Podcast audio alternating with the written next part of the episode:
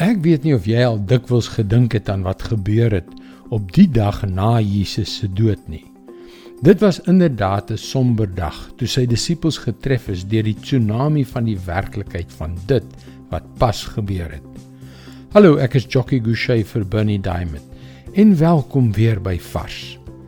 Terwyl die disippels geweeklaag het, was daar 'n doodse stilte agter daardie swaar klip binne in die graf. Daar lê die yskoue liggaam van Jesus. En dit was niks anders as enige ander liggaam in enige ander graf nie. Maar weet jy, aan daardie kruis en in daardie graf het hy die toorn van God verduur.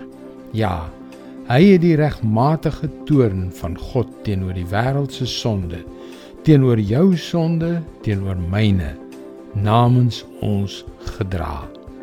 Hoekom? Hoe? Omdat alle sonde gestraf moet word. Omdat ons sonde straf verdien. Die woord van God is baie duidelik daaroor. Die loon van die sonde is die dood. Romeine 6 vers 23. Die onwrikbare geregtigheid van God het geëis dat die prys van ons sonde betaal word en Jesus Jesus het daardie prys namens ons betaal. Hy het ons gered van die toorn van God wat ongetwyfeld 'n verskriklike ding is. Die realiteit is dus dat hy namens my en jou in daardie graf gelê het. Ons sien in Romeine 5 vers 9: Aangesien ons nou vrygespreek is op grond van sy versoeningsdood, staan dit soveel vaster dat ons deur hom ook van die straf van God gered sal word. Ons as gelowiges wat in Jesus en die prys wat hy met sy bloed betaal het, glo.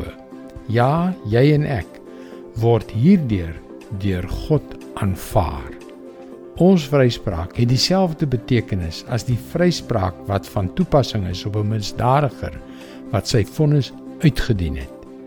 En daardie vryspraak in Christus het ons gered van die toorn van God, my vriend. Hy het namens jou en namens my in daardie graf gelê. Dis goeie nuus. En dit is God se woord vars vir jou vandag. Dit is hoe God se groot liefde vir ons bewys is. Ja, dis dieselfde God wat steeds daarna smag om ons nader aan hom te trek. Mooi loop. Tot môre.